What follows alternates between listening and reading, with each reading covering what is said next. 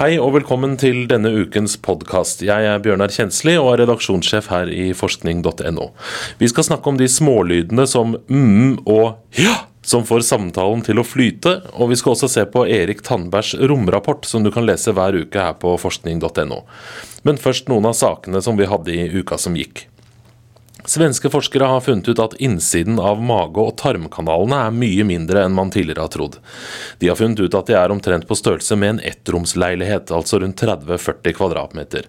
Tidligere har man trodd at overflaten inni der kan være så stor som 300 kvadratmeter, men forskerne forklarer at det ikke er så rart at folk har trodd at den har vært så stor, fordi det er veldig vanskelig å måle, eh, og fordi man har undersøkt dette her etter at folk er døde, og da er vevet mye slappere. Så det de svenske forskerne har gjort nå, er å bruke røntgenbilder og bitte små kameraer for å finne ut størrelsen på faktisk levende mennesker. Man har også lenge trodd at atopisk eksem er noe man vokser av seg med alderen, men en ny stor studie viser at nesten ingen som har sånn eksem når de er to år gamle, har blitt kvitt eksemen når de er oppe i 20-åra. Forskerne har undersøkt over 7000 barn og har fulgt dem gjennom mange år. Studien viser at når deltakerne runder 20, så har mer enn halvparten av dem hatt perioder på seks måneder eller mer uten symptomer på eksem. Men eksemen kommer og går, og det er også veldig sjelden at den forsvinner helt. Hvis du følger med på bloggen på forskning.no, så har du sett at vi de siste ukene har publisert Erik Tandbergs romrapport. Romfartens grand old man Tandberg, som kanskje er best kjent for å ha ledet NRKs månelandingssending i 1969, følger nemlig fortsatt med på hva som rører seg i romfarten. Og journalist Arnfinn Christensen, hva er det Tandberg skriver om i romrapportene sine? Jeg vil si Det er en sånn dropspose av romfartsnyheter, hvor eh, du aldri helt vet hvilken bit du får lenger ned på sida. Men det, det, er nettopp det som gjør den så spennende. Jeg vil nesten påstå at den romrapporten til Erik Tandberg er den mest fyldige og komplette rapporten om hva som rører seg i romfartsverdenen den uka den kommer ut. Mm. Så hva har eh, Tandberg å melde den eh, uka her i romrapporten sin? Ja, det første han skriver om, det er jo den siste oppskytningen av Falcon-raketten til SpaceX opp til romstasjonen. som nå er jo denne Dragon-kapselen, den kommersielle Dragon-kapselen der oppe med forskjellige eksperimenter. Men det som er virkelig spennende, er at de har prøvd ut Førstetrinnet i denne Falcon-raketten den Eh, er nemlig laget sånn at den skal kunne lande igjen og brukes om igjen. og Det er første gangen man har prøvd ut noe sånt. Ja, for det, det vanlige er jo, altså Bortsett fra romferjene, som, som ble for dyrt å holde på med, så er jo det vanlige at, at sånne ting er engangs. Ja, det var de til og med på romferja. Selv mm. der så forsvant disse bærerakettene ja. utover havet og plasket ned i sjøen og ble borte. Mm. De har faktisk klart å finne igjen en, eh, en av disse store Saturn 5-førstetrinnene som sendte opp Apollo-ferder utenfor uh, kysten av, av Florida. og det Eh, å berge deler av den. Men nå skal det altså lages en rakett som kan lande på landjorda på eh, sine egne landingsføtter og brukes om igjen. Og de har testet det ut nå i første omgang. Torde de ikke å teste det ut over landjorda. Litt for risikabelt. Mm. Så de landet den i høy sjø, faktisk. Og de hadde bare en 30-40 sjanse til å lykkes, men det gikk bra. Den landet pent og loddrett ned på sjøen. Mm. Så tippet den av naturlige årsaker over, og, og, men, men prinsippet var vellykket. Ja, Så da blir det kanskje i fremtiden fremtiden at den, at den, lander på landjorda, og at vi kan fylle den opp med drivstoff igjen og bruke den til neste. Igjen. Det blir helt sikkert et staselig syn. Mm. Og noe mer han har å melde i romrapporten sin? Ja, han har en helt utrolig eh, prosjekt som det er usikkert om det blir noe av, men det er såpass uh, fantasifullt at uh, det får hjernen til å snurre en halv omdreining oppi hjernekassa. Det, det, er planer om å utforske Saturns måne, største måne, Titan, med båt. Ja. Skip ohoi på Titan. og det er fordi store områder av, av månen Titan, som faktisk er på størrelse med planeten Pluto, som ikke lenger er planet, stakkars, men det er iallfall en veldig stor måne. Mm. Har, der, har, der, har, det jo landet et, et europeisk romskip tidligere. Huygens, eller Auchens uttales det vel på nederlandsk, mm. i 2005. Men der er det svære sjøer av metan. Ja. Og de sjøene går det an å seile på for en, en, liten farkost. da. Så det har vært en plan om å sende opp det de kaller Titan Mare Explorer. De planene kom i 2009. Det har foreløpig ikke vunnet fram. Men det er faktisk sånn at de sjøene har både noen fordeler og ulemper i forhold til våre sjøer her på jorda. En ulempe er at eh, de, eh, er mye, de har ikke den samme tettheten som våre sjøer. så du får ikke den samme oppdriften. Uh, Arkimedes lov sier jo at tettheten er lik med mengden av væske du fortrenger. Så det er mindre væske du fortrenger. Da. Men til gjengjeld så flyter du mye lettere. Det er mye mer tyntflytende. Det er faktisk så tyntflytende at du kan bare gi en liten dytt, så vil båten gå langt, langt langt av gårde. Ja, okay. blir ikke bremset så mye av, av, de flytende metallene som i vann på jorda. Da. Ja, Så det veier opp mot hverandre, på, ja, så vidt, så det går ja. an å være der med en nesten normal båt? Ja, ikke sant. Mm, og den skal da drives framover av en radioaktiv eh, sonde som utvikler varme, er planene. Men eh, en del av dette arbeidet er innstilt. Men likevel, jeg håper i mitt stille sinn at eh, vi en dag kan se en liten båt putre ja, det... framover. Titans metanskjør. Ja, det blir jo et ordentlig romskip, for å si det sånn. Ja, ja, ja. ja. Et ordentlig romskip. Ja. Ja, apropos eh, sonder. Det har vært noen andre eh, sonder ute. Bl.a. en som eh, de planlegger å kjøre til en asteroide og hente tilbake. Det er et nytt sånn som de kaller Critical Design Review, som nå er underveis. Osiris Rex heter den sonden, som da skal opp høsten 2016. Den skal til en asteroide som heter Bennu. Mm. Har ikke noe med Benny Olsen-navn å gjøre.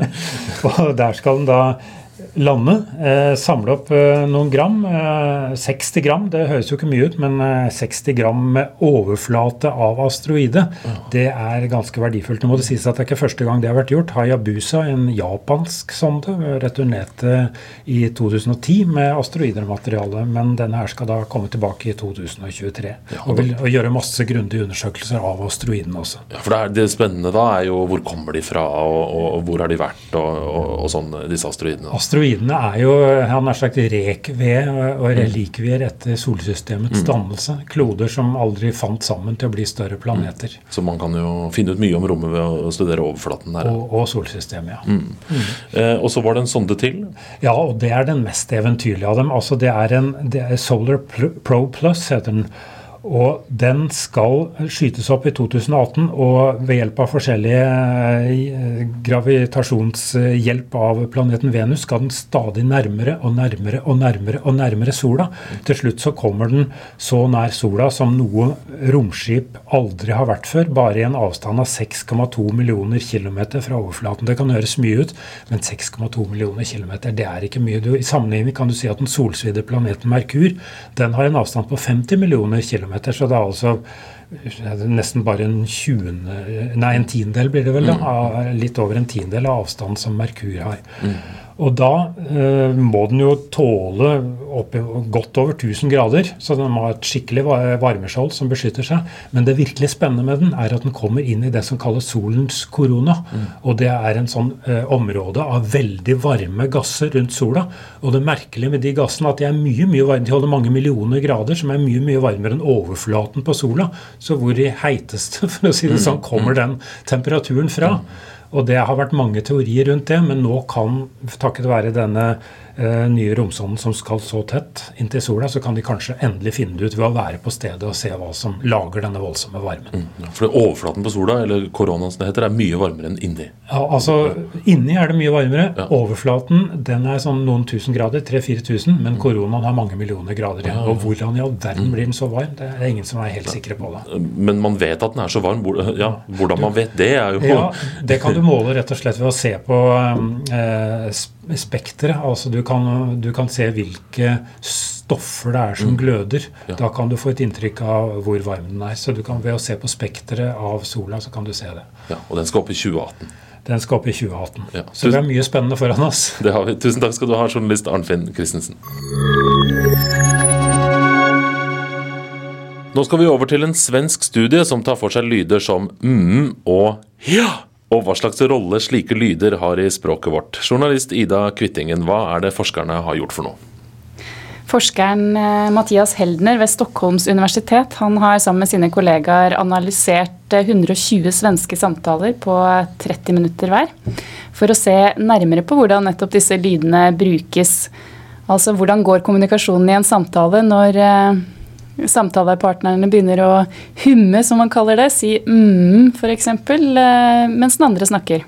Nå kjenner jeg at jeg sitter og konsentrerer meg veldig om å ikke si mm, så hva slags rolle har slike lyder egentlig, ifølge forskeren? Jo, de er ganske viktige. De eh, bidrar jo til at samtalen flyter lett. Eh, den som snakker, trenger en bekreftelse på at den som lytter, hører etter. Nå ser jeg at du konsentrerer deg igjen Mm. for å la være å si mm. Ja, jeg nikker isteden. Og jeg kjenner jeg venter litt på den bekreftelsen, mm. fordi eh, den sier jo meg at du har forstått det jeg sier, og eh, at eh, du er, ja, om ikke enig, så i hvert fall eh, følger du oppmerksomt med på det jeg sier. Og det er jo særlig viktig i situasjoner der du ikke kan nikke, f.eks. på telefon hvor jeg ikke kan se deg. Så må jeg vite at du, eh, at du er med i samtalen, eh, selv om du er stille og ikke, ikke fører samtalen. Mm. Så du mener slike lyder er viktige altså, i en samtale? Ja, de gjør det. Mm. Og så viktige at de bør med i ordboka, mener de? Ja, det mener både Heldner og en eh, norsk forsker som jeg har snakket med, Jan Svennevik, eh, professor ved Universitetet i Oslo. Det er jo ord som er så viktige, eller lyder, men det er litt uenighet om man skal kalle dem ord eller lyder, men de er i hvert fall så viktige for samtalen at de like gjerne kunne stått i ordboka, mener de. Det er jo noen av disse småordene som allerede står der, som jaha, f.eks., men ja, har ennå ikke kommet med. Det er en veldig spesiell lyd òg, som eh, jeg har hørt at vi skandinaver er de eneste som har sånn innpust-ord i språket vårt. Og det har jo en veldig spesiell betydning. Det betyr jo noe helt annet enn ja, for å si det sånn.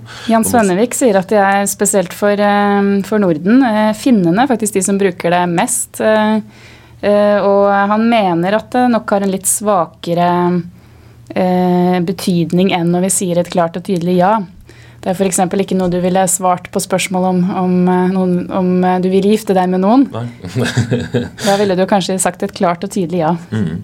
Eh, men eh, det, dette er jo gøy, liksom. Men hva, hva mener forskerne at sånn, denne forskningen her kan brukes til?